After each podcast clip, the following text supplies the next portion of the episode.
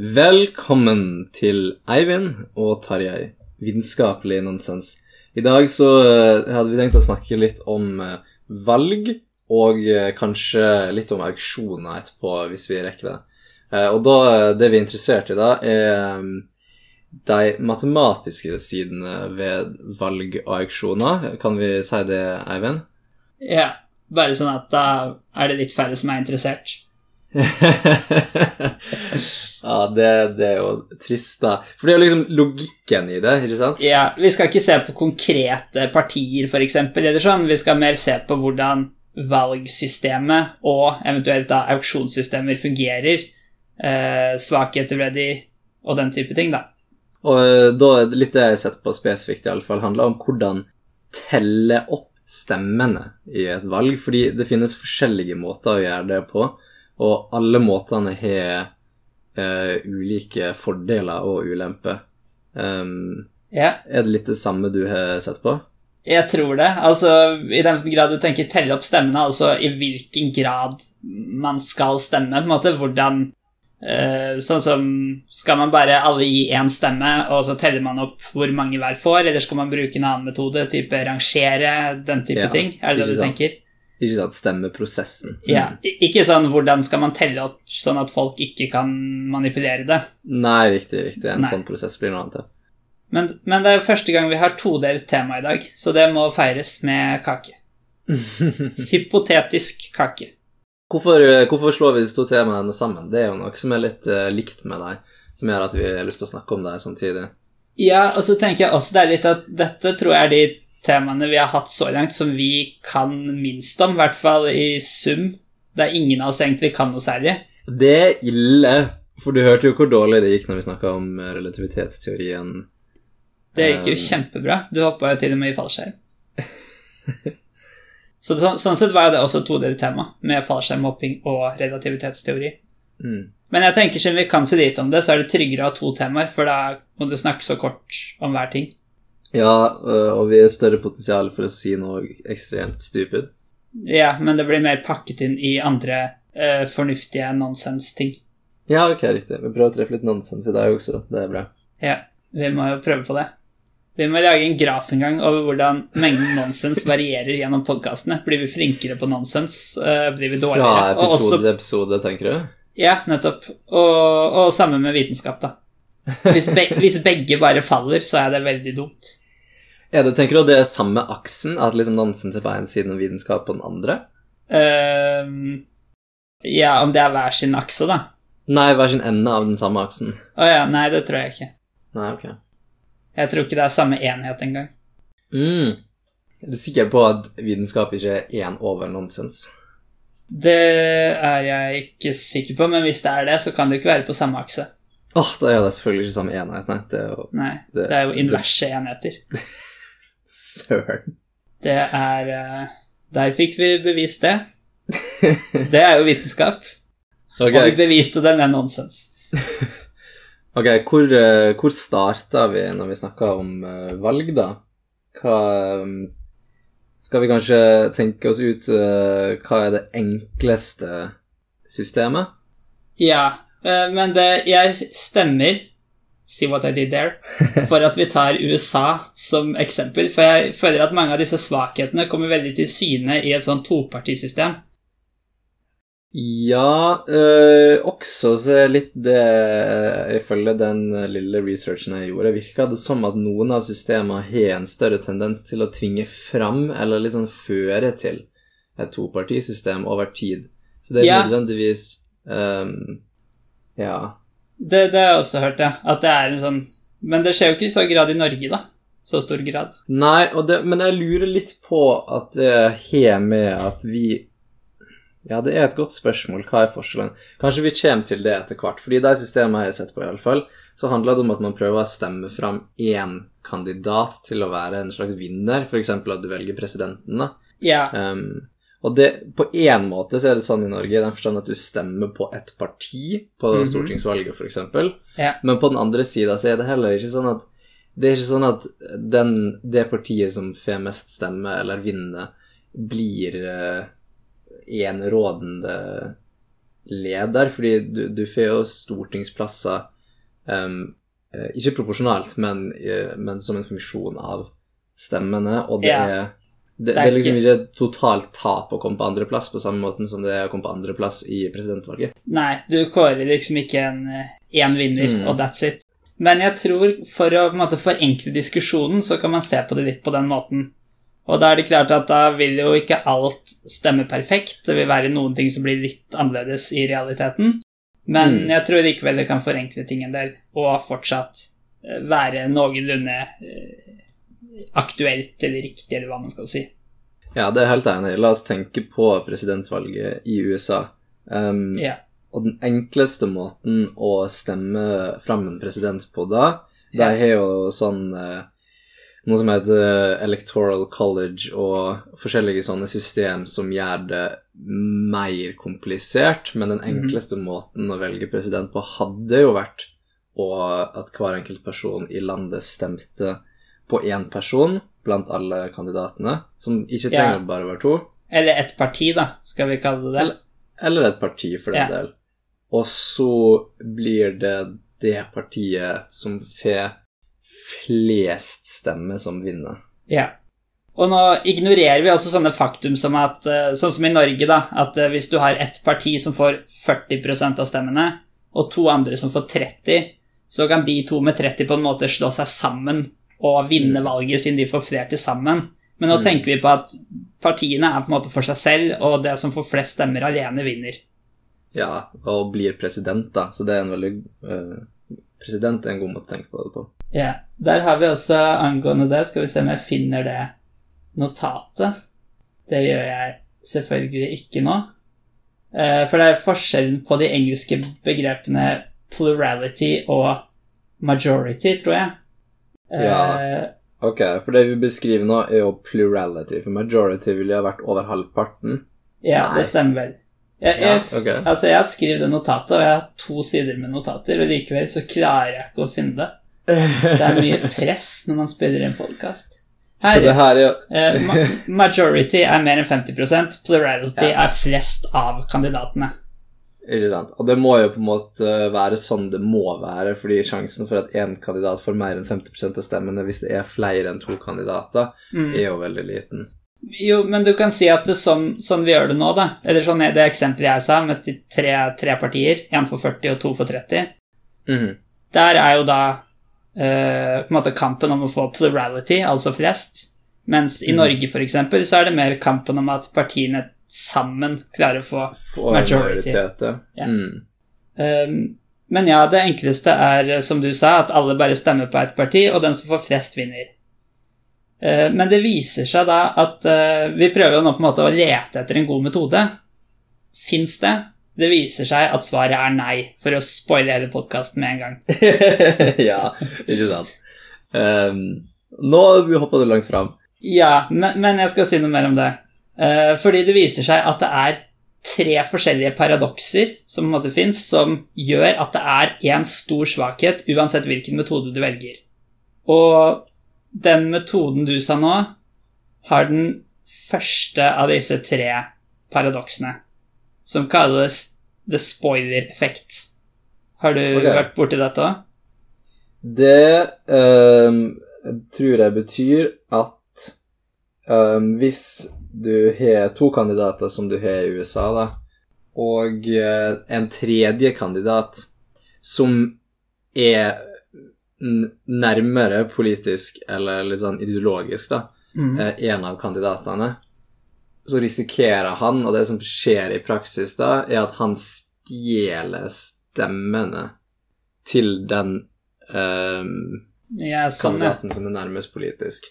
Er det, Snakker vi om det samme da? Det hørtes jo veldig fornuftig ut. Jeg ville sagt det på en litt annen måte. Det er mulig du har mer rett, men et annet problem som er veldig relatert til det, hvis du ser på måte mer fra velgerens perspektiv Mm. Hvis du har to store partier, sånn som i USA, og så har du noen veldig små partier, og du er mest enig med et av de små partiene, Mm. så sånn sett burde du stemme på det lille partiet, men så tenker du hvis jeg stemmer på det partiet, så kaster jeg egentlig bort stemmen min, fordi det Mm. partiet kommer ikke til å vinne. Så derfor Mm. stemmer jeg heller på det partiet som jeg er mest enig i av de to store. fordi da har jeg i hvert fall noe å si. Ja, Og dette fører da til at de små partiene blir enda mindre, og de store blir enda større. ikke sant. Og det er det her som leder til topartisystemet. Ja, ok. Mm. Um, så det, det, eh, det kalte du spoiler-effekten, og det var, eh, kalte du det Ja. paradoks? Ja, jeg vet ikke om paradoks er riktig ord, eller beste ordet for det, men i hvert fall vi, vi kommer til å snakke om tre forskjellige svakheter som vi kan finne på en måte i ethvert stemmesystem, og dette er ett av de tre. Men en annen svakhet som er Jeg tror ikke det er blant disse tre, da, men jeg tenker at det er en umiddelbar svakhet med et sånt system er det de kaller minority rule, som betyr at um, et lite mindretall Ikke nødvendigvis et lite mindretall, da, men mindre enn 50% av befolkninga uh, ender jo opp med å bestemme hvem som vinner, um, hvis det er flere alternativ uh, i en type sånn uh, 40-30-30-situasjon. Kan du komme med et eksempel? Ja, hvis det, hvis det stemmene er fordelt 40 30 30% så er det 40 Ja, sånn, ja. av befolkninga som bestemmer uh, Altså et mindretall da, som Ja, og ja, sånn, ja. Ja, det er jo interessant. At det regnes som en svakhet med, med systemet, da. Um, ikke, ikke et paradoks nødvendigvis, er bare en svakhet ved den måten å stemme på. Det kan du si, ja. Uh, Men det er jo ikke noe god løsning på det, er det? Um, det, jeg tror ikke nødvendigvis det må være sånn, og det er litt sånn vi kommer inn på en bedre måte å stemme på, for den metoden her blir jo kalt um, first past the post, uh, blant andre navn, Yeah. mens de systemene vi skal komme til nå, um, vil på flere forskjellige måter bidra til å at resten av um, folka har noe skulle ha sagt, sjøl om partiet de ikke holder mest med, vinner. Ok, men da blir det mer etter valget. Så det kan du si, da. En måte å gjøre det på hadde jo vært å holdt et nytt valg um, der Hvordan blir det at kanskje det partiet som får færrest stemmer, ikke er med på det valget, og så stemmer du på nytt? Ja, for nå, nå kommer vi litt videre, men kan vi holde igjen litt på det? Uh, for det er Ja. jo Det var sånn, Før jeg begynte å gjøre litt research dette for denne podkasten, så tenkte jeg faktisk det var en løsning som ikke hadde svakheter engang. Men det viser seg at den også har et av disse tre problemene, da. Ja, og ikke minst at du må stemme flere ganger, da. Det er jo fryktelig plagsomt å holde flere valg. Men, men det kan man komme unna ved at du rangerer. Men la oss øh, holde igjen litt på det. For La oss først snakke om noen flere metoder som gir spoiler-effekt, hvis, øh, Oi, ja, ok. hvis det høres greit ut. For det, Ja. for, for det som kan være en slags forbedring da, i et topartisystem, det er noe som Mm. kalles two-round runoff, som er at du først stemmer på blant alle kandidatene, og så Mm. går de to med flest stemmer videre til en finale, der man kun stemmer mellom de to. Ja, ok, ikke sant. Og det løser i stor grad det problemet jeg sa tidligere, med at eh, hvis du stemmer på en liten kandidat, så er du ikke med å påvirke på en måte duellen ja, mellom de to store. Det er noe sånt som strategisk stemming, at du tenker hva kommer alle andre til å stemme, og så påvirker det hva du stemmer. Ja, Eh, mens det du ønsker, er jo at du bare tenker på politikken og hva eh, hvem er det jeg holder mest med, eller hvem er det jeg ønsker skal styre. At det er kun det som burde påvirke valget ditt, da, ikke hva andre muligens potensielt stemmer. Nei, og det er jo en stor greie her som vi eh, kommer veldig inn på med Altså, hvis ikke man hadde stemt taktisk, så hadde i hvert fall mye av denne spoiler-effekten ikke vært et problem. Mm. Det er noen flere metoder òg. Men, men jeg vil disse- bare Ja, Ja. vær så god. Disse to valgene, de sier du at de fjerner spoiler-effekten. Det gjør at du kan stemme ustrategisk. I alle fall første runde. Du må jo kanskje stemme strategisk andre runde. Ja, men andre runde er det bare to partier, og da er det ikke noe strategi. Da bare stemmer du på ja, de du ok, liker. for det er bare, det er bare to lederne du tar videre, uansett hvor mange, mange partier det var til å Ja. begynne med? Ja. Ok. Men så sier du at de har likevel uh, Spoiler-effekt. spoiler-effekt? Altså Problemet er at dette er ikke en generell god metode. Den funker kun bra fordi det er et topartisystem. Hadde det vært tre Ja, store partier, så hadde det ikke funka. ja. Og det Nei, tenker jeg er en litt Mm. viktig greie med valg. da, At den metoden må virke uavhengig av partitendensene i landet. Mm. Eh, Sånn at du ikke må bytte metode hvis det f.eks. går fra at det er to til at det blir tre store partier, eller at det plutselig Mm. er mange små, bare. For hvis det skal gjøres endringer, så vil jo det så å si alltid være fordelaktig for noen og urettferdig for noen andre. Mm. Uh, og da blir jo ikke valget fair mer. Hvis liksom Nå er det kommet et nytt stort parti, da endrer vi stemmesystemet. Jeg føler det må være Ja. uavhengig av det. Og du vil jo på en måte også at systemet skal tillate at det er flere parti enn eh, de to store. For det er jo det som er problemet i sånne system ofte, at det tendenserer over tid til å bli to store parti, eh, selv om du starta ut med mange små, da. Ja, ok. Ja. Men så, da er det jo litt bedre igjen, da, hvis du tenker at nesten alltid vil det bli topartisystem, for two round runoff er jo ganske bra for nettopp det. Jo, men du ønsker jo ikke at det er bare to store partier, for da har du egentlig ikke et reelt valg.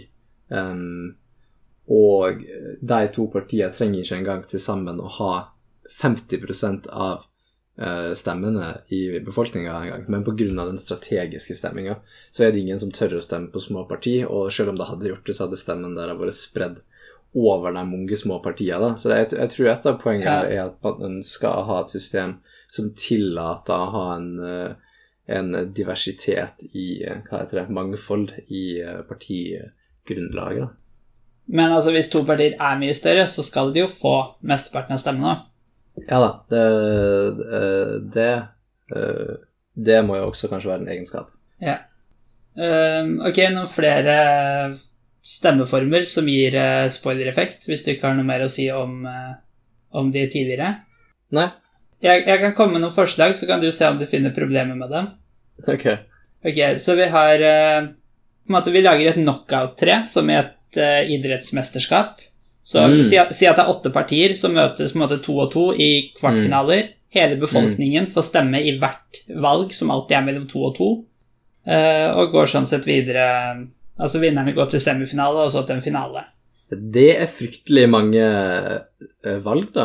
Ok, men du kan si at du kan gjøre det over nettet, eller så kan du si at på det første valget så stemmer du også for fremtidige hypotetiske valg, så du på en måte bare trenger å møte opp én gang. Så, okay. Men ja, det er jo en liten ulempe på det, men eh, selv uten det problemet så er det et annet stort problem. Okay. Selv om du kan jo du kan si du kan ikke være taktisk når du bare er to partier, men Nei. det stemmer ikke helt Jo, likevel. kanskje du kan være taktisk likevel, ja. Ja. Um, det gir jo mening at du alt Nei Fordi er det egentlig en taktisk måte å stemme på? Hvis du bare hater et parti, så kan du alltid stemme eh, Ja. Sette det partiet nederst. Jo, nei, du kan likevel være taktisk på den måten at du Ja, nei, jeg ser hvordan du kanskje kan være taktisk likevel. Ja. Men det holder ikke å se, du må fortelle. um, for det er jo samme greia, at du er redd for at uh, det partiet du misliker mest, kommer til å vinne, så du Ja. vil heller stemme fram det partiet du tror er størst sjanse til å slå, selv om du egentlig ikke liker deg noe særlig mye bedre. Ja. Så, så hvis vi er i USA igjen, da, så tenker vi at uh, i den ene kvartfinalen så møter republikanerne et lite parti. Mm. Og så sier vi at republikanerne har ca. 45% oppslutning, og det samme har demokratene, og så har alle de andre småpartiene 10 til sammen. Mm. Så vil jo da de 45% som liker republikanerne, stemme på dem. Mm. Og så vil de si 2% som liker det lille partiet, stemme på dem. Men så vil jo antagelig så å si alle som stemmer på Som egentlig da liker eh, demokratene best, stemme på Mm. dette lille partiet for å på en måte bli kvitt største konkurrenten. Og det kan det også Ikke tenkes at en del av de andre som liker de andre småpartiene, gjør. Og så går da dette lille partiet videre. Og så skjer akkurat det samme med demokratene i deres Så- kvartfinale. Det du sier at hver de små partiene vil, eh, Ja. vil triumfere. Det handler, det, det handler mer om å ikke være upopulær enn å være Ja. populær. Ikke sant? Og de største partiene er jo ofte mest upopulære også. Mm. Så kan du jo si det er jo ikke nødvendigvis dumt at et eh, ikke-upopulært parti vinner, fremfor at det mest populære vinner. Mm. Men så er det noe med det at grunnen til at man er Grunnen til at man ikke er upopulær, er gjerne fordi man er ukjent, og da kanskje Mm. egentlig ikke er så bra. Jeg ser problemet med det. Det er jo faktisk mye verre enn det vi har diskutert så langt. Det høres ut som det verste systemet. Ja. Faktisk. Ja, det, så der krasja den metoden litt. En annen ganske lik metode er at alle stemmer på det partiet man liker minst, og det partiet med færrest stemmer vinner. Ja, ok. Mhm. Hva skjer da? La meg tenke litt. Ja, det er litt vanskeligere, sant, for du har jo da det partiet du liker min... Altså, problemet med det er jo at det, det blir jo akkurat det samme. Alle stemmer på den store konkurrenten, og så går bare alle de små partiene videre, for de får, jo ingen stemme, basically. Um, Mm. og det, det blir jo bare uavgjort mellom deg òg, sikkert, for de får bare null stemme, alle sammen. Ja. Så det er eh, også Det blir egentlig akkurat det samme, da. Mm. Det lønner seg å være ikke upopulær fremfor å være populær. Mm.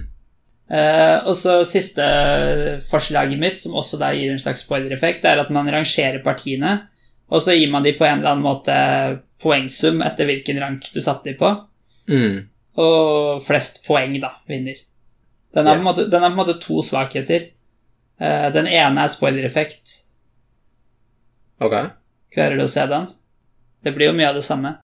Det blir jo sikkert det samme. Um, det, det, ja, det som skjer, er jo at du stemmer jo Du rangerer jo favorittpartiet ditt øverst og den største konkurrenten nederst, og så gjør alle yeah. Andre motsatt.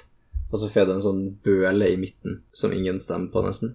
Hvis du stemmer på republikanerne, så setter du demokratene nederst, selv om du egentlig liker de nest best.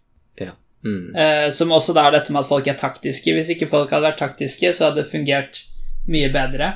Mm. Denne metoden å stemme på heter for så vidt board account. Mm. Eh, et annet problem med den er at hvordan du gir poeng, også påvirker vinneren. Ja. Hvis det er eh, Hvis vi har tre partier, og det er slik at førsteplass får tre poeng, andreplass får to poeng, og sisteplass får null poeng, eh, og vi har to som stemmer, og de stemmer på en måte helt motsatt, så vil det da være det partiet begge satte i midten, som vinner. Mm. Mm. Eh, hvis vi i stedet sier at vinneren får tre poeng, andreplass får ett poeng, tredjeplass får null, altså ett poeng mindre på andreplass, da er det plutselig delt seier mellom de to som folk satt i enden av skalaen. Ja. Mm. Så på en måte hvordan man setter opp stemmene, påvirker. Og begge disse systemene kan argumenteres for, for den ene belønner det at noen er favoritten, den andre mer straffer at noen Mm. virkelig hater partiet. Du kan Ja. også bare ha en helt jevn fordeling, da vil i dette tilfellet alle fått likt. Så det er jo kanskje på en måte det beste, men det det er uansett dette problemet med at folk er taktiske. ja. Og også kanskje Eh, det er litt at antall partier kan påvirke differansen mellom to partier, da. Riktig. Jeg har notert fire måter, eh, og det finnes sikkert flere også, um, en kan telle opp stemmene på når du stemmer på en sånn rangert måte, som du beskriver nå. At du rangerer alle partier fra mest likt til minst likt. Um, Ja. Og uh, den enkleste måten å telle opp de stemmene på, er jo bare å ignorere alt uh, fra to og nedover. Sånn at du ser kun på hva er favoritten, og se uh, hvem er det som er mest likt blant folket, hvem er det som er flest favorittstemmer. ja så, det blir jo det samme som det vi snakka om uh, i starten av podkasten, som var first past the post. ja, Det altså bare stem på det én. Ikke sant? Ja. Så Så det er da, da, bryr du deg ikke om det vil, jeg, det vil jeg nesten ikke kalle en rangering engang. ja, det er jo én måte å telle opp de stemmesedlene på, da. Jo da, det kan du si.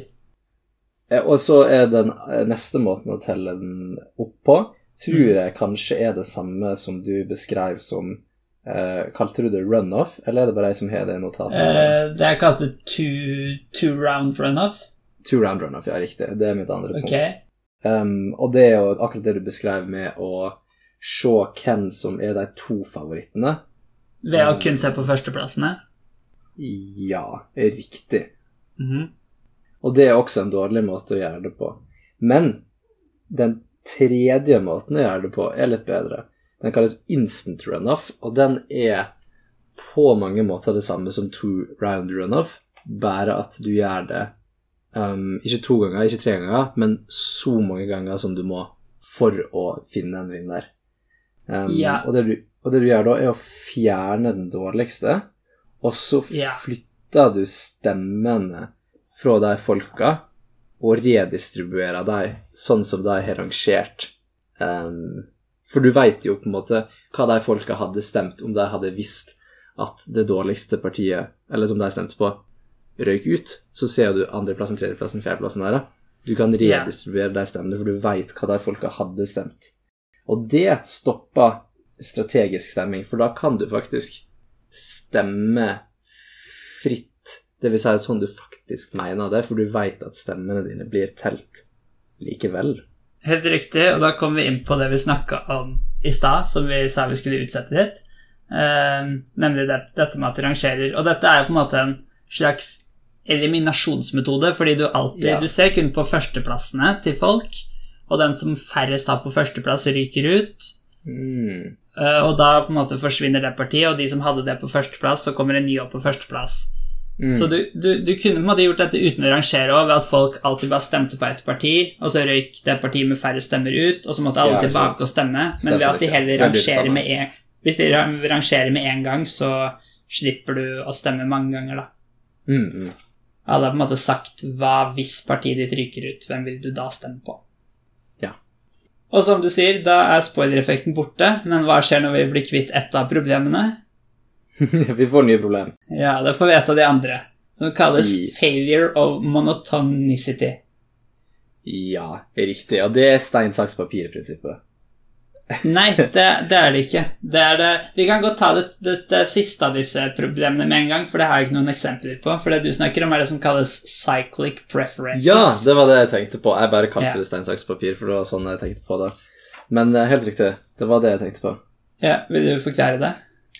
Så det som er greia, da, er at uavhengig av hva metode du velger å telle deg opp på, så burde vinneren um, For det som kan skje, ikke sant, er at du får sykliske uh, Referanser?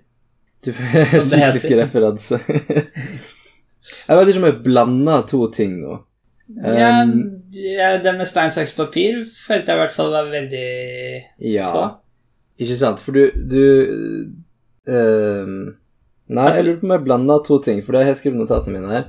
Det er noe som heter uh, kondorse... Kondors... Mm, Ja, kon, Condorcet-prinsippet. ja Eh, og så det er det vi snakker om? Ja, det er det, det er det som er psykiske preferanser. ja. Ja, Jeg har også hørt ok. navnet kondorse-paradokset. Ikke sant. Da er det liksom konklusjonen min her, er at dersom en person vinner parvis mot um, dersom, en, dersom en av kandidatene alltid er den parvise vinneren mot alle andre kandida- kandidatene, så burde han også vinne valget totalt sett. Ja. Eh, men bare, bare, kan jeg bare ta eksempelet med stein, saks, papir? Ja, gjør det. Fordi det man ser på, da, det er at man alltid ser på kun to og to kandidater, så man tenker først Hvis vi nå Altså, stein slår saks, og saks slår papir. Og ut fra den logikken så bør også stein slå papir. Men så viser det seg at papir slår stein i stedet, og derfor har man på en måte en slik syklisk preferanse som gjør at det er ingen klar vinner. Og det samme kan altså skje ved et valg der du rangerer kandidatene. Og det skjer sjøl om du bruker instant runoff-metoden. Ehm, jeg tror ikke Instant runoff måler ikke vinneren på den måten, for hvis du skal Syklisk Ja. preferanse oppstår hvis du mener at jeg skal finne vinneren ved å se på det partiet som vinner i på en måte én-mot-én-duell mot alle andre partier. Ok, ok, ok. Så hvis du, hvis du, hvis du har en kandidat, da eh, Jeg vil teste om i Norge, da, Høyre er en såkalt kondor C-vinner, som vil da slå alle andre partier. Så da tester du Ok, da spør vi hele befolkningen hvem vinner mellom Høyre og Venstre. Og så vant Høyre. Ok, da kan det fortsatt være en kondor C-vinner. Så spør vi hvem vinner mellom Høyre eh, og Senterpartiet, som vant Høyre igjen. Eh, og så spør vi hvem vinner mellom Høyre og Arbeiderpartiet. Og så viser det seg at Arbeiderpartiet fikk flest stemmer når man kun stemte på de to. Da kan ikke Høyre være en Condorcet-vinner. Men så tenker man ok, men da er kanskje Arbeiderpartiet en Condorcet-vinner. Mm. Men så tar man da uh, Hva var et av de andre partiene jeg sa? Venstre. Uh, Arbeiderpartiet mot Venstre. Mm. Og så da vant Venstre. Ok, det er ikke så realistisk, kanskje, men Men eh, da, da har man jo ikke noe Condorcet-vinner, fordi. Mm. hverandre i en ring, da. Riktig. Det er for så vidt ikke så dumt. Det kan hende Venstre hadde slått Arbeiderpartiet i en sånn duell. Fordi du må tenke på de får jo stemmene fra alle de andre partiene òg. Ja, ikke sant. Det blir litt, kanskje det blir litt den strategiske stemminga likevel der. Hvis du spør folk hvem vil du helst hatt. Nei, for det stemmer jo alltid bare på, på Ja, for det er liksom hvem Ja, ok, Kanskje du kunne stemt taktisk for å hindre at det ble en Condorcet-vinner. Det kan hende. Riktig. Det er sånn metaspill. Ja. Ok, men poenget er at det, det, det går ikke an å finne vinner på den måten. Eller du er i hvert fall ikke garantert å gjøre det. Akkurat som i stein, saks, papir. Det er ingen konfigurasjon som alltid slår de andre. For i så fall så hadde stein, saks, papir vært et forferdelig dårlig spill. Ja, da har ikke jeg noe mer å si om sykliske preferanser. Håper det var Nei. forståelig. Har du noe Eh, jeg tror det er det beste vi klarer å forklare det, fordi det er det beste vi forstår det. Ja. Jeg følte vi forsto det ganske bra, jeg. jeg følte ikke jeg klarte å forklare det, iallfall. Det er jo noe helt annet. Ja, er det det? Eller var ikke det Einstein som sa at du må, du må kunne forklare det enkelt for å kunne si at du har forstått det? Men, men det er enkelt å forklare noe til noen som er på nesten det samme kunnskapsnivået som deg på noe. Ja, ok. Det er veldig vanskelig å forklare noe til noen som er på en mye lavere nivå. Mm, ja, det er helt enig. Ikke, så kanskje jeg er på et mye lavere nivå enn deg, siden du slet med å forklare det til meg. Eller eventuelt lytterne. Men lytterne er ikke liksom en bestemt person. Jeg tror vi skylder på lytteren likevel. Det er alltid lytternes skyld. Alt. Ingen kommentar. Nei. Stillhet samtykker. Akkurat sånn som lytterne. Lytterne samtykker? De er jo stille. Ja, jeg er sånn, jeg. Kanskje rytterne sitter og roper ut i frustrasjon, da. I kor. Eh, men la oss gå tilbake til dette med instant runoff. Ja. Eh, fordi det hadde da denne siste svakheten. Eh, du får ta en recap på hva instant runoff var, for nå har vi gått så langt vekk fra det. Instant runoff var det samme som eh, two Hva søren kalte du det? Two round runoff. Um, Nei, det er det ikke. Nei, la meg forklare. det er to round runoff, men du gjentar prosessen rekurskift til du er ferdig. Ja, Kanskje, kanskje ikke det er ferdig, samme, for det, i to round runoff så velger du deg to uh, lederne fra den første batchen, mens i instant runoff så fjerner du den dårligste for hver iterasjon. men jeg tror ikke det er så dumt, for hvis du begynner med seks partier, så kjører du da, da først en fem eh, Jeg tror ikke du Ja. kan kalle det five round runoff, men vi kan kalle det det nå. Slik at du går ned til fem, og så kjører du nytt valg, på en måte, med fi, der du har igjen fire, og så tre, og så to. Så det, Ja, det er vel kanskje det samme, bare med Ja, så jeg har lyst til å rename den til infinite runoff. Infinite round runoff. Hvis det er infinite antall partier, er det det? Uh, n round runoff for n partier. Eller n minus 1, kanskje. N, ja. ja, bra. I approve. Eh, Yes. Ja. Men du gjør det dette ved å rangere partiene, sånn at uh, man slipper å komme tilbake og stemme hver gang. Mm. Ja. Men det, i, i sånn, altså, Kanskje ikke i praksis, da, men omvendt i, i teorien er det det samme. Som å stemme flere ganger, ja. Ja. Mm. Eh, Bortsett fra kanskje det faktum at hvis du stemmer senere, så kan du endre mening og sånt, da. Men uh, det, det er jo en annen sak. Ja, da får du i alle fall sykliske avhengigheter hvis folk bytter preferanse underveis. Ja, men denne Glem de sykliske preferansene Grinna. okay. Ok. Men dette gir da failure of monotonicity. Som Ja. be, Altså Monotonicity, hvordan skal vi forklare det? Altså hvis eh, Samstemthet har jeg skrevet. Ja, altså hvis Logikken da er at, eh, som jeg tror ingen vil protestere på, det er at eh, hvis jeg sier Hvis et parti hadde vunnet valget i scenario 1, så bør de også vinne valget i scenario 2, der de har blitt mer populære. Ja vel. Hvis et Hmm. parti blir mer populære, bør de ikke gå fra å vinne til å ikke vinne. Nei, ok, det er en interessant eh, måte å vri det på. Jeg har skrevet dersom alle er enig i at ett parti er bedre enn et annet parti, så burde det partiet totalt sett komme høyere ut i rangeringa. Det er sykliske preferanser, tror jeg.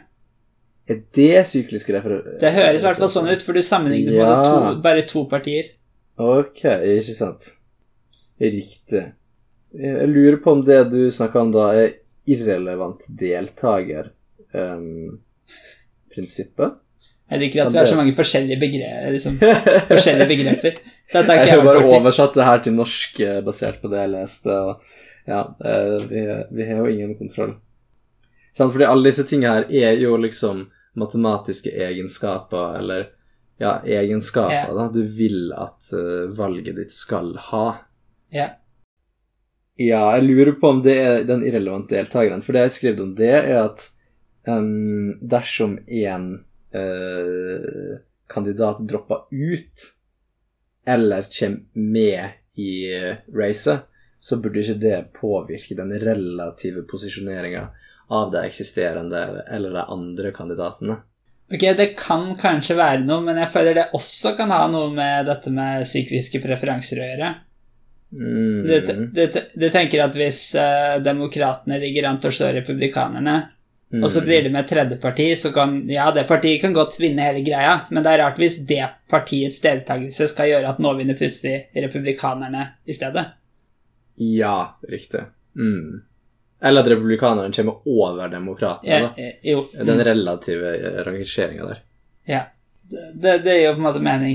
Mm. Uh, og det kan hende det er litt av det samme, men jeg har i hvert fall laget et eksempel for dette med failure of monotonicity.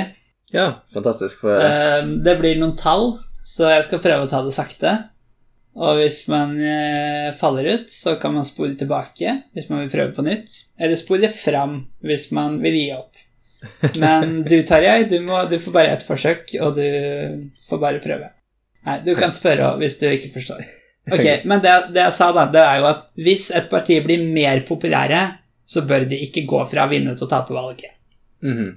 Så da tar vi på en måte først scenario 1, som er det der de, de ikke blir mer populære. Det er på en måte grunnscenario, da. Ok. Så vi har 100 personer som skal stemme i valget, Mm. og vi bruker metoden instant runoff, så alle rangerer, men man ser kun på den folk har øverst, og så blir ett parti eliminert, og så går da de som stemte på Mm. det partiet øverst, ser man da på hva hadde på andreplass. Så parti 1 har 40 velgere, altså 40 foretrekker dem. Mm. Og av disse 40 så er det 50-50 om de har parti 2 eller 3 som andrevalg. Mhm. Er det lettere, skal vi kalle det noe annet enn parti 1, 2 og 3? Nei, det er bra. Ok. Det er bra for deg som er glad i tall, ja. ok, Bruk bokstaver, da. A, B og C. Er du glad i bokstaver? Nei. Nei. Vi kan bruke greske bokstaver. Da er du glad igjen. My, mye bedre. Ja, ja. Ja. Ok, parti alfa har, har da 40 velgere, og Ok. de har da 50-50 på andre valg mellom parti beta og gamma. Mm. Og så har vi parti beta, som har Jeg kommer garantert til å gå tilbake til tallet etter hvert, siden det er det jeg har skrevet opp her. Bare sånn at det er sagt. Parti beta har 32 velgere, og åtte åtte av de foretrekker alfa som andrevalg, og de resterende 24 foretrekker gamma som andrevalg. Mm. Så det betyr at på dette partiet det er det åtte stemmer færre på første valg enn parti 1, men de aller fleste av de foretrekker Nå sa jeg parti 1. Parti alfa. Mhm. Eh, men de aller fleste foretrekker parti gamma som et andrevalg. Mm. Mens da til slutt parti gamma har de resterende 28 velgerne, og der er det også 50-50 hvem som foretrekker alfa og beta på andrevalg. Okay. Så i dette scenarioet da, så ryker da parti 3 ut først, fordi altså de har eh, gamma ut først, siden mm. de har 28 stemmer, mens eh, de andre hadde 40 og 32. Ja. Og siden eh, de som da stemte på parti gamma på første valg, som røyk ut, hadde 50-50 fordelt mellom alfa og beta på andre valg, Ja. så blir da disse eh, 28 stemmene fordelt da 50-50 på de andre. Mm. Som gjør at parti alfa vinner eh, valget med 54 stemmer mot 46. Ok, så parti alfa vant valget Ja. i dette grunnscenarioet. Ja. Og så tar vi da det andre scenarioet. Ja. Der alfa holder en kampanje før valget. Og da får de åtte av velgerne fra parti beta, og det er da de åtte som hadde alfa på andre valg, eh, Ja. til å stemme på alfa på første valg i stedet. Ja. Så var det de som vippet mer mot alfa av beta sine stemmere. Ja, Mm. stemmere. Mm. Eh, de er nå over på alfa. Og hva skjer da? Jo, for da, nå har jo da parti beta tapt åtte stemmer, og har da kun 24 stemmer i dette førsterundevalget. Ja. Mens alfa har 48, og gamma fortsatt har eh, 28. Så da ryker de ut i stedet. Ikke sant, ja. Og alle de som er igjen, alle de 24 som stemte der, hadde nå parti gamma som andrevalg. Sant, ja. Som gjør at de nå får 24 ekstra stemmer og vinner valget 52 mot 48. Så ved å kjøre en kampanje, en suksessfull kampanje, så stjal de velgerne til seg sjøl og tapte valget på grunn av det. Ja, Kampanjen Kampanjen gjorde dem kun mer populære, og det gjorde at de tapte valget. Det er et veldig godt eksempel som beskriver det. En veldig god måte, synes jeg. Ja, Ha. det er, det er litt mange tall. Uh, Det er det eneste problemet når man har det på en podkast. ja, ja. Men, uh, men prinsippet bør jo være greit. At man blir mer populær og taper valget som man ellers hadde vunnet. Og så kan du si dette scenarioet var jo veldig konstruert for at dette skulle skje, så sannsynligheten for at det kommer til å skje, er jo Mm. veldig lav. Mm. Eh, men det er jo likevel en ganske sånn forferdelig eh, tilfelle der Mm. alle er enige om at parti 1 burde vunnet, i hvert fall gitt at de vant det første valget. Ja, Du kan ikke protestere på det. Og så kan man si, kunne man ikke da hatt på en, måte, en slags spesialregel som var hvis noe sånt skjedde, så vinner da likevel parti alfa. Ehm, men eh, det funker på en måte ikke det heller, for det er ikke noe sånn tydelig 'nå har det skjedd'. Nei, nei, nei, det virker jo helt umulig. Og det, for du har jo ikke det første scenarioet å sammenligne med heller. Du har jo ikke to valg før Nei. og etter kampanjen, på en måte, heller. Nei, absolutt ikke. Og du kunne også konstruert nye scenarioer eh, basert på dette scenario to, kanskje, der partiet eh, Gamma vant. Der du gjorde de mer populære, men så tapte Mm. de likevel, kanskje. Da blir det jo helt annerledes igjen. Så det er bare et problem. Så finnes det ingen god måte å telle opp stemmer på og utføre valget på. Det virker ikke sånn. Det virker som alle er en av disse tre svakhetene. Så kan vi gå raskt gjennom de tre svakhetene, og ta en liten recap. Hva er svakhetene her? Ja. Spoilereffekt. Mhm. Som det er at uh, man kan være taktisk, og at eh, Kanskje det du også sa, med at en liten kandidat kan stjele stemmer fra det store partiet den er mest lik, Ja, det ikke sant. Mm. Uh, handler i stor grad om at folk er taktiske. Ja. Sykliske preferanser, som er at du ikke alltid kan kåre en vinner ved å kun se på er det et parti som slår alle andre partier. Mm. Uh, Det kan sies at hvis du, det er et sånt parti, så er det alltid rettferdig at det vinner. Da har det også flertall av stemmene, det må det ha. Og altså plurality, ikke majority.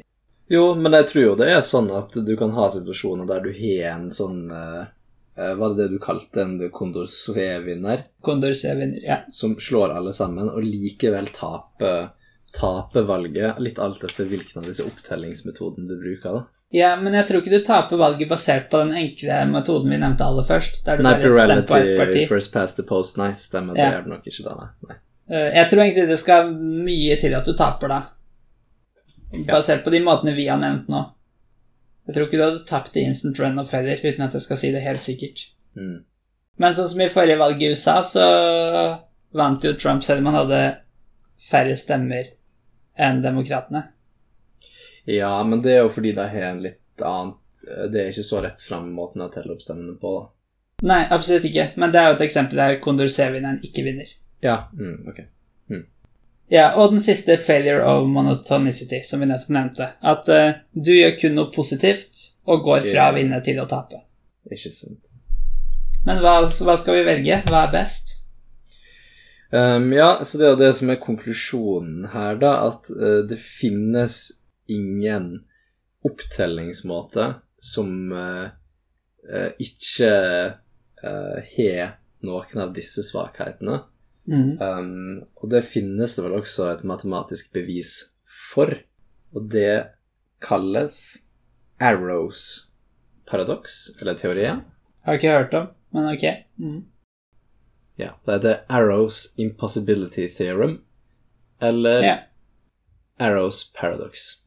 Ja. Um, og det sier at det finnes ingen måte å telle opp disse stemmene på eh, som ikke har noen av disse svakene, svakhetene her, med unntak av én. Ok. Veit du hva måte det er?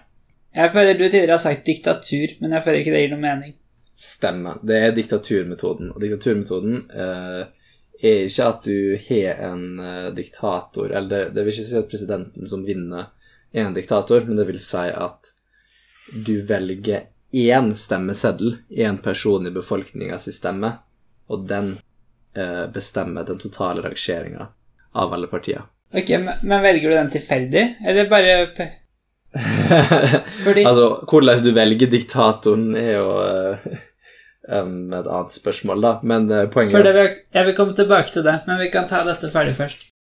Uh, hvis du velger ut bare én stemmeseddel som skal være fasiten på valget, altså den totale rangeringa av valget, så Ja. vil eh, den måten å, å på en måte i hermetegn da telle opp stemmene på, ha ingen av disse tre svakhetene. Men jeg vil si den er noen andre svakheter, kanskje.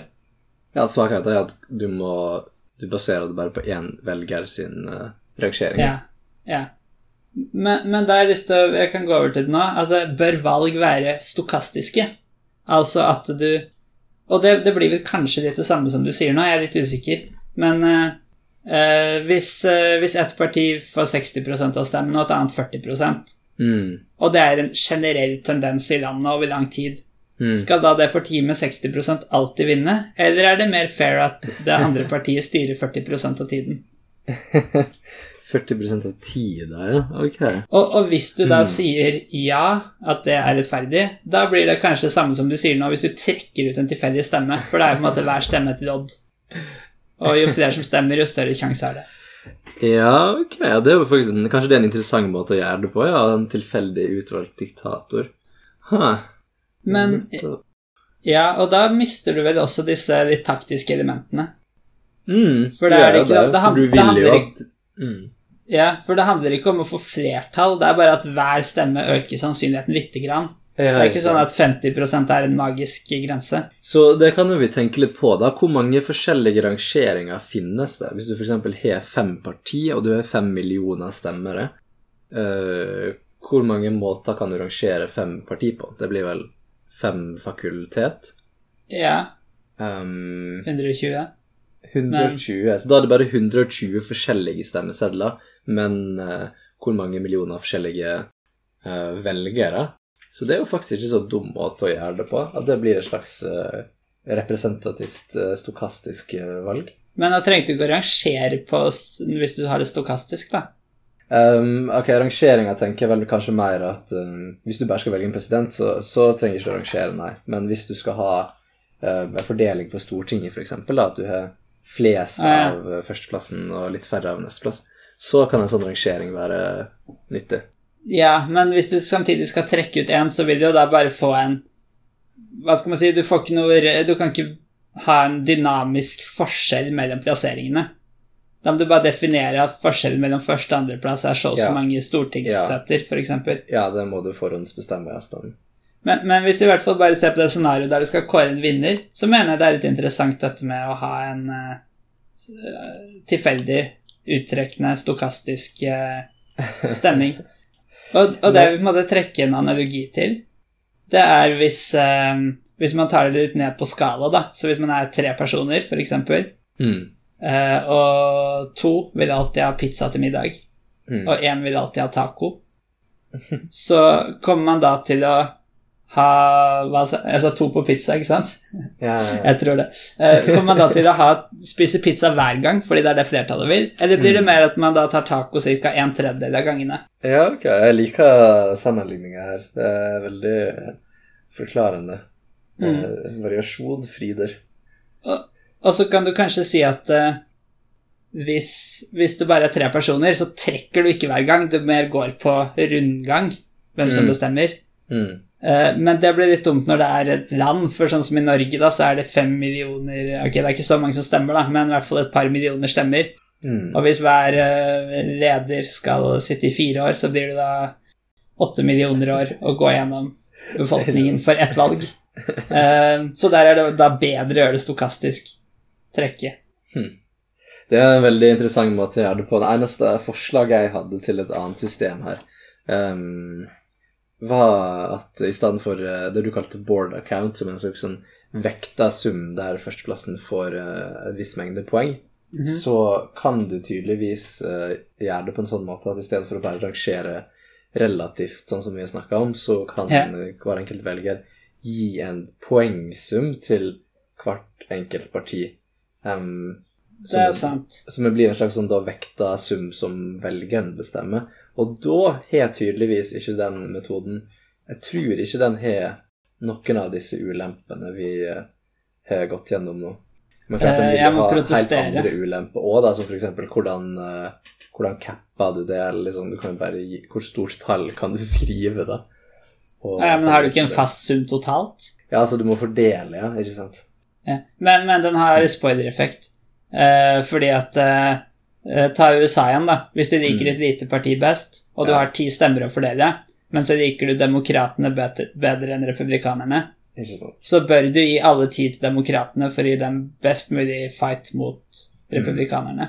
Ikke? Mens så på en måte skal du da gi én stemme til partiet ditt, eller to, liksom. Altså, Ja, altså Du du, får spoiler-effekt. strategiske stemminga igjen, ja. Jeg ser det. jeg tror ikke det hjelper. Mm. Og, det, og det, det stemmesystemet man har, der man bare stemmer på ett parti, er på en måte bare en eh, spesialisering av dette, der du totalt, totalt har ett poeng å gi ut. Mm, ikke sant. Ok, så stokastisk er veien å gå, altså? Kanskje et problem med det er jo at du, risikerer jo at et kjempeupopulært parti vinner, men du kan Ja, si det er litt med veldig liten sannsynlighet. ja. Men da må du, må det, hvis det skjer, så må du akseptere det. Det gjelder jo alle valg, da. Ja. Og så, og så er det også det, måte, det er hva du spør om, da, fordi hvis du på en måte vil Hvis du vil Hvis du definerer lykke binært som at um, du er lykkelig hvis partiet du liker best, vant valget, og hvis ikke er du ikke lykkelig Det er litt forenklet. Kanskje. Kanskje, hvem vet. Men uh, da vil du på en måte optimalisere lykkemengden i landet ved at flertallspartiet alltid har makten. altså gjøre det ikke Gjøre det deterministisk i stedet. Mm. Men så, så hvis du ser på det sånn, så er det jo dumt. Men eh, jeg føler ikke det er så dumt, kanskje. Nei, jeg tenker det var en teit måte å måle lykke på, da. Jo, men uh, Altså, vi må jo måle lykke i forhold til valg, da, for det er jo valg det handler om. Jo, jo, jo. Men uh, det er likevel en svak måte å måle det på, fordi du er jo fortsatt mm, det, Du har jo en rangering på ting. Du er mer glad for at parti 3 vinner enn parti 2, sjøl om du er mest fan av parti 1. Ja, altså, det, det er ikke ei binær eh, greie, tror jeg, i noen eh, reell situasjon. Men jeg tror ikke nødvendigvis det gjør at det ikke lønner seg å ha det deterministisk. Nei, det er ikke sikkert det påvirker den, nei. Du kan si Når du bruker tilfeldighet, så er det jo på en måte en fare for at du velger noe som blir dårlig. Sånn totalt sett.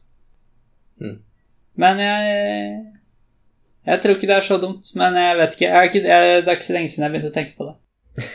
nei, det var helt nytt for meg. Stokastiske valg er jo en interessant Ja, Jeg, føler det er interessant, i hvert fall. Hva tenker du om uh, elektroniske valg?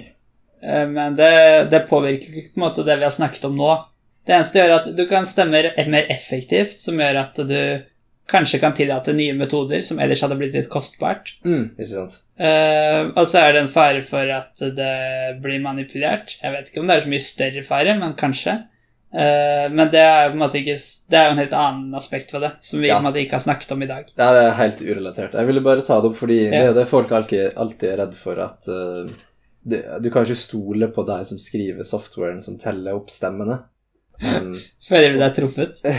det, men det er jo helt riktig at du kan ikke det. Um, men likevel så finnes det metoder for å kryptografisk stemme um, yeah.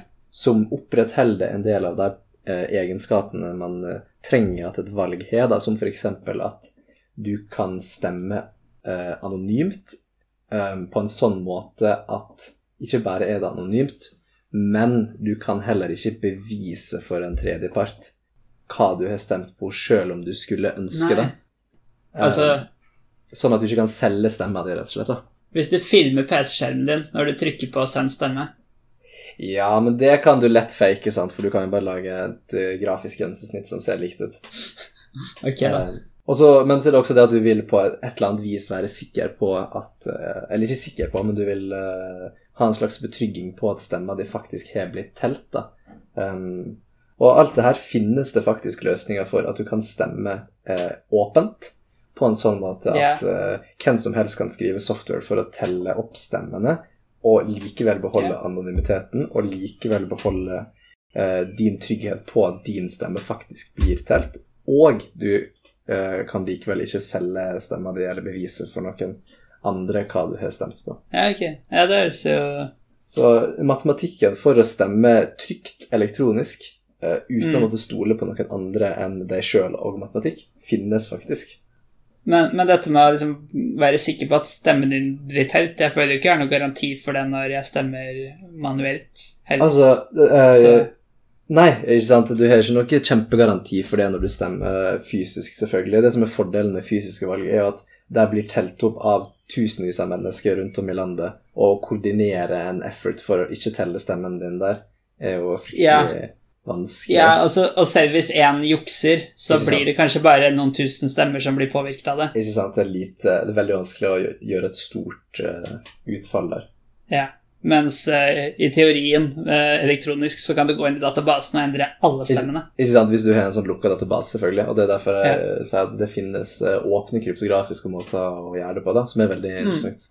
Ja, jeg tror definitivt det er fremtiden, men om man burde begynne med det med en gang, det kommer jeg an på Det vet jeg egentlig ikke noe om. Nei, jeg tror ikke det hadde vært noe problem. Det største problemet er jo på en måte at folk stoler på det. For folk har jo helt legitime grunner til å ikke stole på en sånn svart boks-type software du stemmer med. Det er galskap. Um, så du må på en måte klare å overbevise folk om at det faktisk er uh, trygt uh, yeah. på en kryptografisk måte. Og har alle disse egenskapene du trenger at et valg har, da. Ja. Um, men så er det litt interessant også at det er ikke alle disse egenskapene som er mulig matematisk å fylle opp, eh, eller oppfylle, som det kanskje heter på norsk. Eh, Og et eksempel på det er eh, hvis du, hvis du vil På engelsk så sier man 'run for public office', da. At du, du stiller som kandidat, da. Um, Mhm. Og du får bare ei stemme totalt Ja.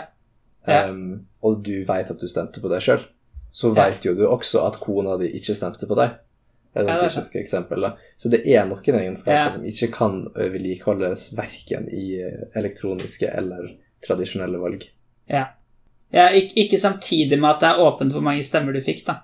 I hvert fall. Ja, ikke sant, ja.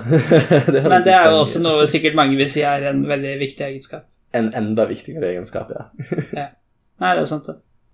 Men, men helt til slutt, da. Hvis du må velge en av disse tre svakhetene, Mm. failure of monotonicity, spoiler-effekt eller cyclic preferences, hvem tar du? Ja, det er et veldig interessant spørsmål, fordi det er jo sikkert sånn at det valgsystemet vi har, eh, tilfredsstiller noen av disse, men ikke alle, uten at jeg veit hvilke. Så jeg, jeg tror spoiler-effekt er eh, problemet. ja, ikke sant. For de andre, opp, de andre oppstår mer når du rangerer. Ikke sant, ja, for du har strategisk stemming som er liksom det vedvarende problemet her. Men jeg, jeg føler at den cyclic preferences er på en måte, den går jo ikke an å bruke, for den klarer ikke å kåre en vinner. men Så det er mest de to andre som er aktuelle. ja Men er det noe Det er ikke sikkert at det er en reell case, på en måte. Um, og litt sammen med den eksempelet du hadde med at du blir mer populær, og så likevel taper du valget. At det Ja. er For det var jo oppkonstruert, som du sa, at det kanskje faktisk ikke er noe som skjer, eller er liksom en effekt som eh, hadde vært et problem i virkeligheten. Men kanskje, det er like, men kanskje også det er et kjempestort problem. Det er nesten umulig å vite uten å se mer på det, føler jeg. Ja, du må ha en ganske stor eh, sample eh, Hva heter det? Sample Mm, eller virkelig tenke gjennom det. Ja. For det, selv om du har en stor sample size av mange Sample eksempelvalg, hvordan, eh, hvordan, hvordan tester du om det her skjer, på en måte? Ja, du må, du må jo ha et Du må mer simulere valg, da, og så må de Mm. gjøre slike t- ting. Nå gjør vi dette partiet mer populært. ja, Og så måler sånn- du Kanskje det er i én promille av tilfellene, så ender du opp med en sånn type ting, da. Ikke sant, og da er ikke det så farlig, men kanskje det skjer hele tida, og det vet du yeah. ikke. Huh. Men i hvert, hvert fall min konklusjon da, det vil si er at jeg tror ikke cyclic preferences De metodene tror jeg ikke funker noe bra. Og da vil jeg si at failure of monotonicity tror jeg skjer mye sjeldnere, men er verre når det skjer. Mm. Spoiler-effekt skjer på en måte hele tiden, at folk er taktiske. Ja. Men ikke så katastrofalt. Men jeg går for failure of monotonicity. Men det er jo ganske katastrofalt. I USA så har de et uh, håpløst system der man ikke har noe reelt valg mellom to kandidater som er fryktelig like.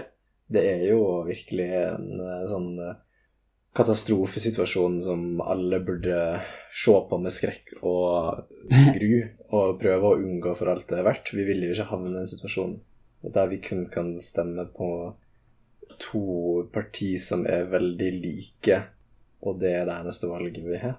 Nei? Så, Så det- jeg tenker at strategisk stemming virker jo egentlig som den verste av det. Det er jo det vi burde jobbe for å unngå. Ja, ok. Mm.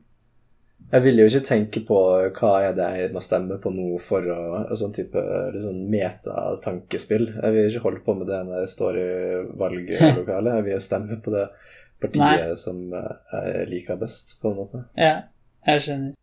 Er vi da failure of monotonicity buddies? Vi, vi kan jo ha et valg der vi stemmer mellom hvilke av disse metodene vi skal bruke. Men så er spørsmålet hvordan skal vi holde det valget? Hva skal vi bruke da, ikke sant? Ja, den vil vi ha et valg for, da. Hmm. Og så må vi ha et valg for hvordan vi skal holde det valget igjen. Ikke sant? Og hvis du har nok av disse valgene, så får du en sånn Kanskje du finner en slags fix point av, eh, av eh, Der det blir liksom konvergerer mot et stabilt resultat, og det kanskje er svaret, da. Eller så oppstår det et helt ny, nytt paradoks. En ny svakhet. En ny svakhet. Jeg tåler ikke flere svakheter nå i valgsystemene mine. Skal vi ta litt om auksjoner helt til slutt? Eller har du Ja. noe mer å si om valg? Nei, la oss snakke om auksjoner. Hva er en auksjon for noe? Ja, og vi diskuterer da hovedsakelig det som kalles forward eh, auksjon, uh, som da betyr at det er én selger og mange kjøpere. For du kan også Oi. tenke motsatt. Det som kalles en reverse uh, auction, eh, Ja. som da er at det er eh, én kjøper som har mange mulige personer som, som selger, som du kan kjøpe fra. Eller Det- double auction, så det er mange til mange. Ja, altså, en double auction høres jo også bare ut som en butikk. Uh, ja, eller mange butikker, da. For det er mange selgere. Ja, du tenker det er mange Ja, leverandører av produktet. Ja. Mm. Ja. Men kjøperne pleier ikke å konkurrere om noe Nei. i en butikk. Det virker litt confusing, egentlig, med sånn double auction. ja, det sånn, høres ok, du kjøper fra han, og så du fra han. Men ok, det er kanskje mest hvis produktene er helt identiske, da. Ja, det må jo være det. Hvis ikke er jo det bare separate auksjoner. Ja. Hmm. Ok, men la oss snakke om disse vanlige auksjonene der det er én selger som prøver å selge forskjellige ting til mange kjøpere. Ja. Og da har man jo forskjellige måter å gjøre det på. Det Mm. vanligste heter engelsk auksjon. Mm. Eh, Det er da slik at eh, man mm, kommer med en sum som kjøper, eh, og så fortsetter man mens man byr høyere og høyere, da gjerne muntlig, og den som byr det høyeste beløpet, vinner.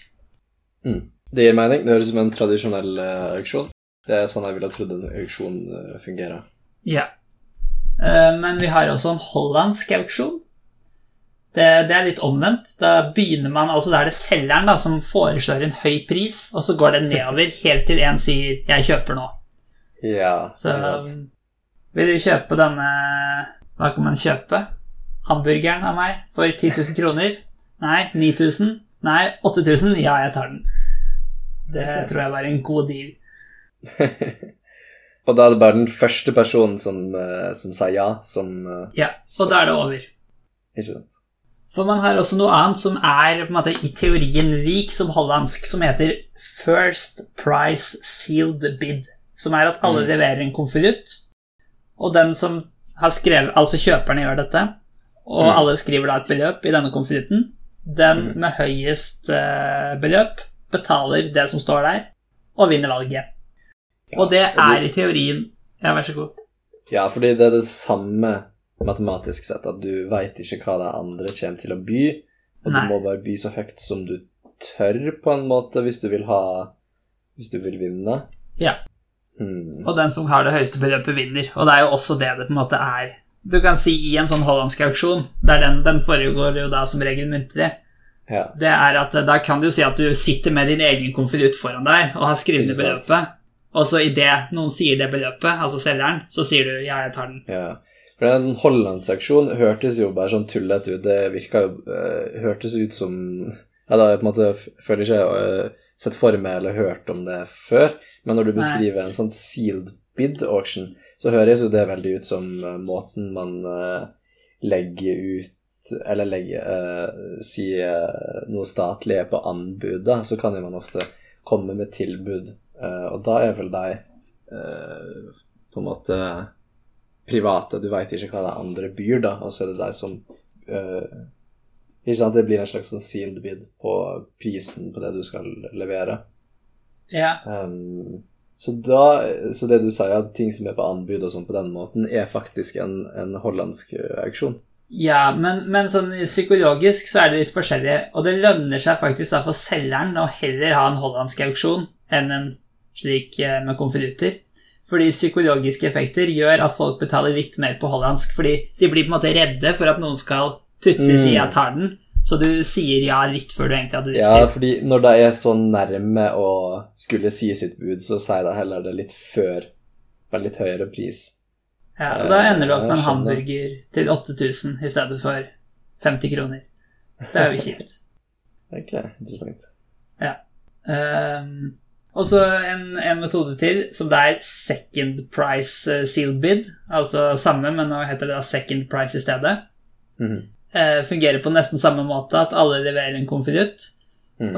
Men den som skrev det høyeste tallet, betaler det den nest høyeste skrev. Mm. Så hvis, eh, hvis eh, jeg byr 8000 for en hamburger, og du byr 7000, og det var det nest, nest høyeste budet, Mhm. ja, da betaler jeg 7000 for den. Det høres fordelaktig ut for, øh, for kjøperen. Ja, fordi du betaler jo mindre, Mm. men det er ikke nødvendigvis sånn det er det. Og det, jeg har skrevet et notat her at det viser seg at eh, selger tjener mer på dette i snitt, fordi man tør å by mer. Man tør å by mer, ja. Altså hvis alle tør å by mer, så Ikke sant, ja. Det gir jo faktisk mening, og da blir det en høyere sum totalt sett. Og, Så ja, og, og, og hvis, hvis du som selger tenker på det som at æsj, jeg kunne jo fått mye mer fordi han på førsteplass bøy mye mer, ja. Da er det jo kjipt. Men det betyr jo ikke at han hadde tjent så mye eh, Nei, bydd så mye hvis det var en first price seal bid i stedet for en second price. Nei, riktig. Hm. Men og, og grunnen da, det er at i en sånn second price, da bør du alltid by det du tenker det er verdt. Ok. Mens i en First Price-auksjon burde du ikke by det det er verdt, du burde by mindre. Ja, for i en first price så må du tenke på at du vil ha en fortjeneste, ikke sant? Og du får aldri Hvis du tenker at noe er verdt eh, 10 000, og du byr 8000, da får du en fortjeneste på 2000. Okay. Eh, hvis du hadde bydd 10 000, så hadde du ikke fått noe fortjeneste. Da hadde det ikke vært verdt det. Og du får aldri mer fortjeneste enn du byr. Hvis du byr 9000, så kan du bare få 1000 i fortjeneste. Hmm. Mens i en second price, da kan jeg by 10 000.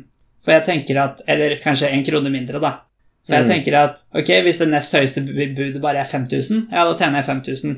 Men hvis det nest høyeste budet er eh, 9990, mm. eh, så vil jeg fortsatt ha den for det beløpet. Fordi ok, da tjener jeg bare 10 kroner, men det er fortsatt fortjeneste. Men tenker du litt på det som at du prøver å tjene på det? Hvis du er en privatperson som prøver å kjøpe noe på en auksjon, da, så vil jo du betale det det er verdt. Du vil jo ikke ha en fortjeneste på øh, Du vil jo betale den riktige prisen, og fortsatt ha den, på en måte. Du er jo villig til å betale den for null fortjeneste, det jeg mener. Du tenker liksom Eller- hvis du ikke skal selge det videre, eller noe sånt? Ja, mm. Men, du, men du, det vil jo fortsatt ha en verdi for deg. ja, og det er det jeg mener. Da, i en sealed uh, first price, så vil jo du betale det den er verdt for deg. For da yeah. får du den for den prisen. Men du vil ikke ha bydd over Ja, det, ok. selvfølgelig. Nei. Nei, sånn er at eh, Nei, men du kan likevel tenke Det er jo kjipt eh, i en First Price hvis du føler den er verdt 10 000.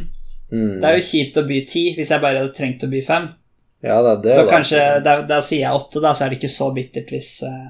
Ok, Mm. du får kanskje ikke vite hva andreplassen er, da, men uh, da, er det, Nei, at, okay. da er det greit uansett, da.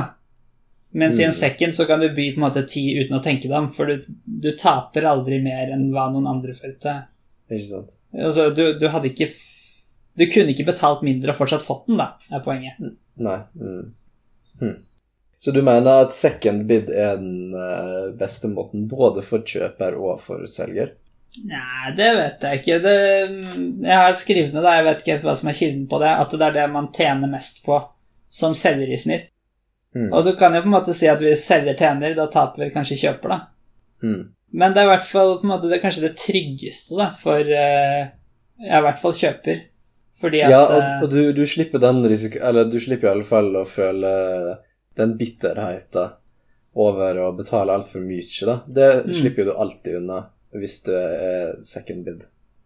Som Men du, det slipper du litt på en vanlig engelsk auksjon òg, der det er muntlig. Ja, da, det er det også, det stemmer. Mm. du går jo gjerne ikke opp så veldig mye av gangen. Nei, nei, nei.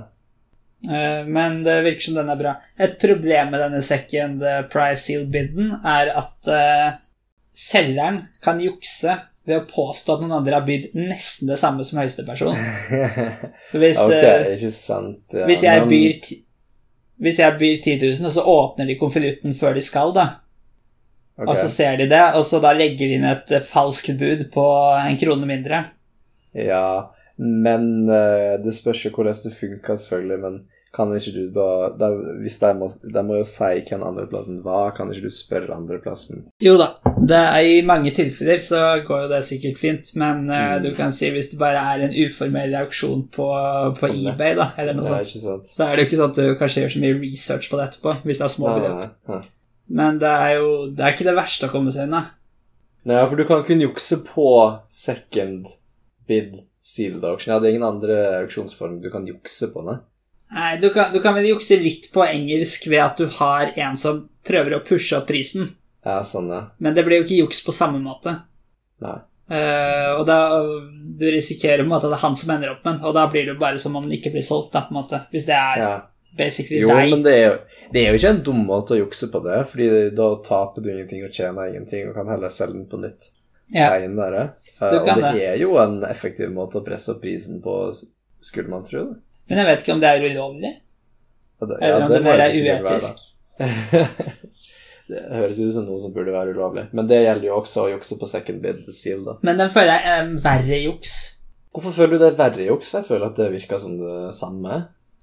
Ja, kanskje, men på den engelske så er det i hvert fall Du er jo klar over at det er en annen som Altså, du kan jo si Det er jo noen som prøver å lure opp prisen selv om de ikke kjenner selgeren òg. Mm. Bare for gøy, antar jeg.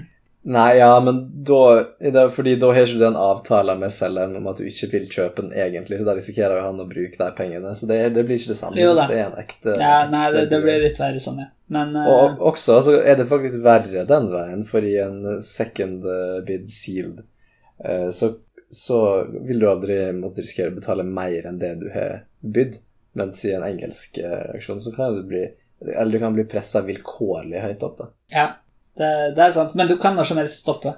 Ja, det kan du, men hvis du er bestemt på å kjøpe den Ja, ja hvis, måte, hvis du er overhørt på forhånd at 'oi, han her må ha den', liksom. Jeg kan bare Ja. pushe pushe pushe.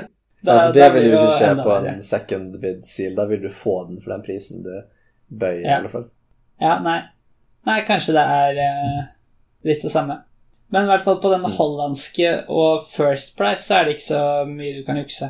Nei. Mm. Du, du kan jo si at eh, sånn som på First Price, da Hvis du ikke er fornøyd med beløpet førsteplassen gir, mm. så kan du legge inn et uh, høyere bud selv, bare så den ikke blir solgt for det. Men Ja. som regel er det vel kanskje et minstebud som er på en måte ment Mm. for det, da. Så da Men hvis du ikke hadde noe minstebud, og så på en måte legger du inn et falskt minstebud, da Da blir det jo Som vinner sjøl, ja. Men kan ikke du bare la være å selge den, da? Eller er det liksom en bindende auksjon? Det kan du vel egentlig gjøre på alle de andre typene òg. Nei, det Jeg føler hvis du ikke har sagt noe om at det er noe minstebud, så, så kan du ikke etterpå si at den er ikke til salgs likevel. Nei, det er. Det er litt Men du kan vel bare si på forhånd uh, by minst eh, 5000. Mhm. Det, ja. det var det jeg hadde om auksjoner. Ja, jeg veit ingenting mer om auksjoner. Vi hadde ingen eh, gøye matematiske egenskaper her, følte jeg. Eller eh, Nei, kanskje ikke. liksom ingen egenskaper vi vil at en auksjon skal ha, på samme måten som at vi vil at valg skal fungere på en sånn og en sånn måte. Kanskje auksjoner bare er enklere. Eller kanskje vi bare ikke veit noe om noen av disse temaene. Ja, det kan det være. Men vi har fått snakka ganske lenge om dem. Hvor mye byr du på podkasten? Oi, null kroner, som de fleste podkaster, er den her gratis. Har vi noen høyere? Det er jo ikke så mange andre som kan by, så Hvis du vil by på podkasten, så kan du sende oss en mail til vitenskapeliggnonsens.gmail.com. Eller du kan følge oss på Twitter uten at jeg hadde noe med noen ting å gjøre. På Viten Nonsens. Du kan sende oss en eh, DM på Twitter. Kanskje vi byr på tweeten din. Det går ikke an. Det går ikke med han som må by på en podkast, tror jeg. Kanskje Twitter eier tweetene. Kan eh, folk Mm. donere til podkasten? Penger. Ja. Eller stemmer i valget. Eh, penger, tenkte jeg. Eh, I utgangspunktet. man kan jo det. Okay. Bare legg det til som vedlegg på mailen du sender til oss. Eh, eller du kan vippse til eh, Jeg vet nummeret. Vil du, vil du si nummeret ditt høyt? Nei. Nei. det ligger på Facebook. Du kan, du kan google Tarjei. Han har sikkert sagt etternavnet sitt. Man klarer å finne etternavnet ditt. Så kan man vippse deg penger. Ganske sikker på at både etternavnet mitt og telefonnummeret mitt er åpent. Det må ikke være altfor lett, for da får vi inn altfor mye penger. Det er den største frykta vi har. Ja. Og så kan du stemme på det vitenskapelige nonsensvalget om hvem som skal være president eh, det neste året, av oss to. Hvem er kandidatene? Det er vi to, ja. Ja. Men eh, nei, eh, mine, mine saker er mer nonsens, mer vitenskap og mindre støy på lyden. Du vil ha mer av begge deler. Det er litt sånn lavere skatter og mer, eh, mer skoler. Vi ble jo enige på starten av podkasten at de ikke var At de ikke utelukket hverandre. Nei, samme for det var ikke samme benevning. Men siden nonsens er inversvitenskap, så betyr det at nonsensvitenskap er lik én. Det var jo ikke det.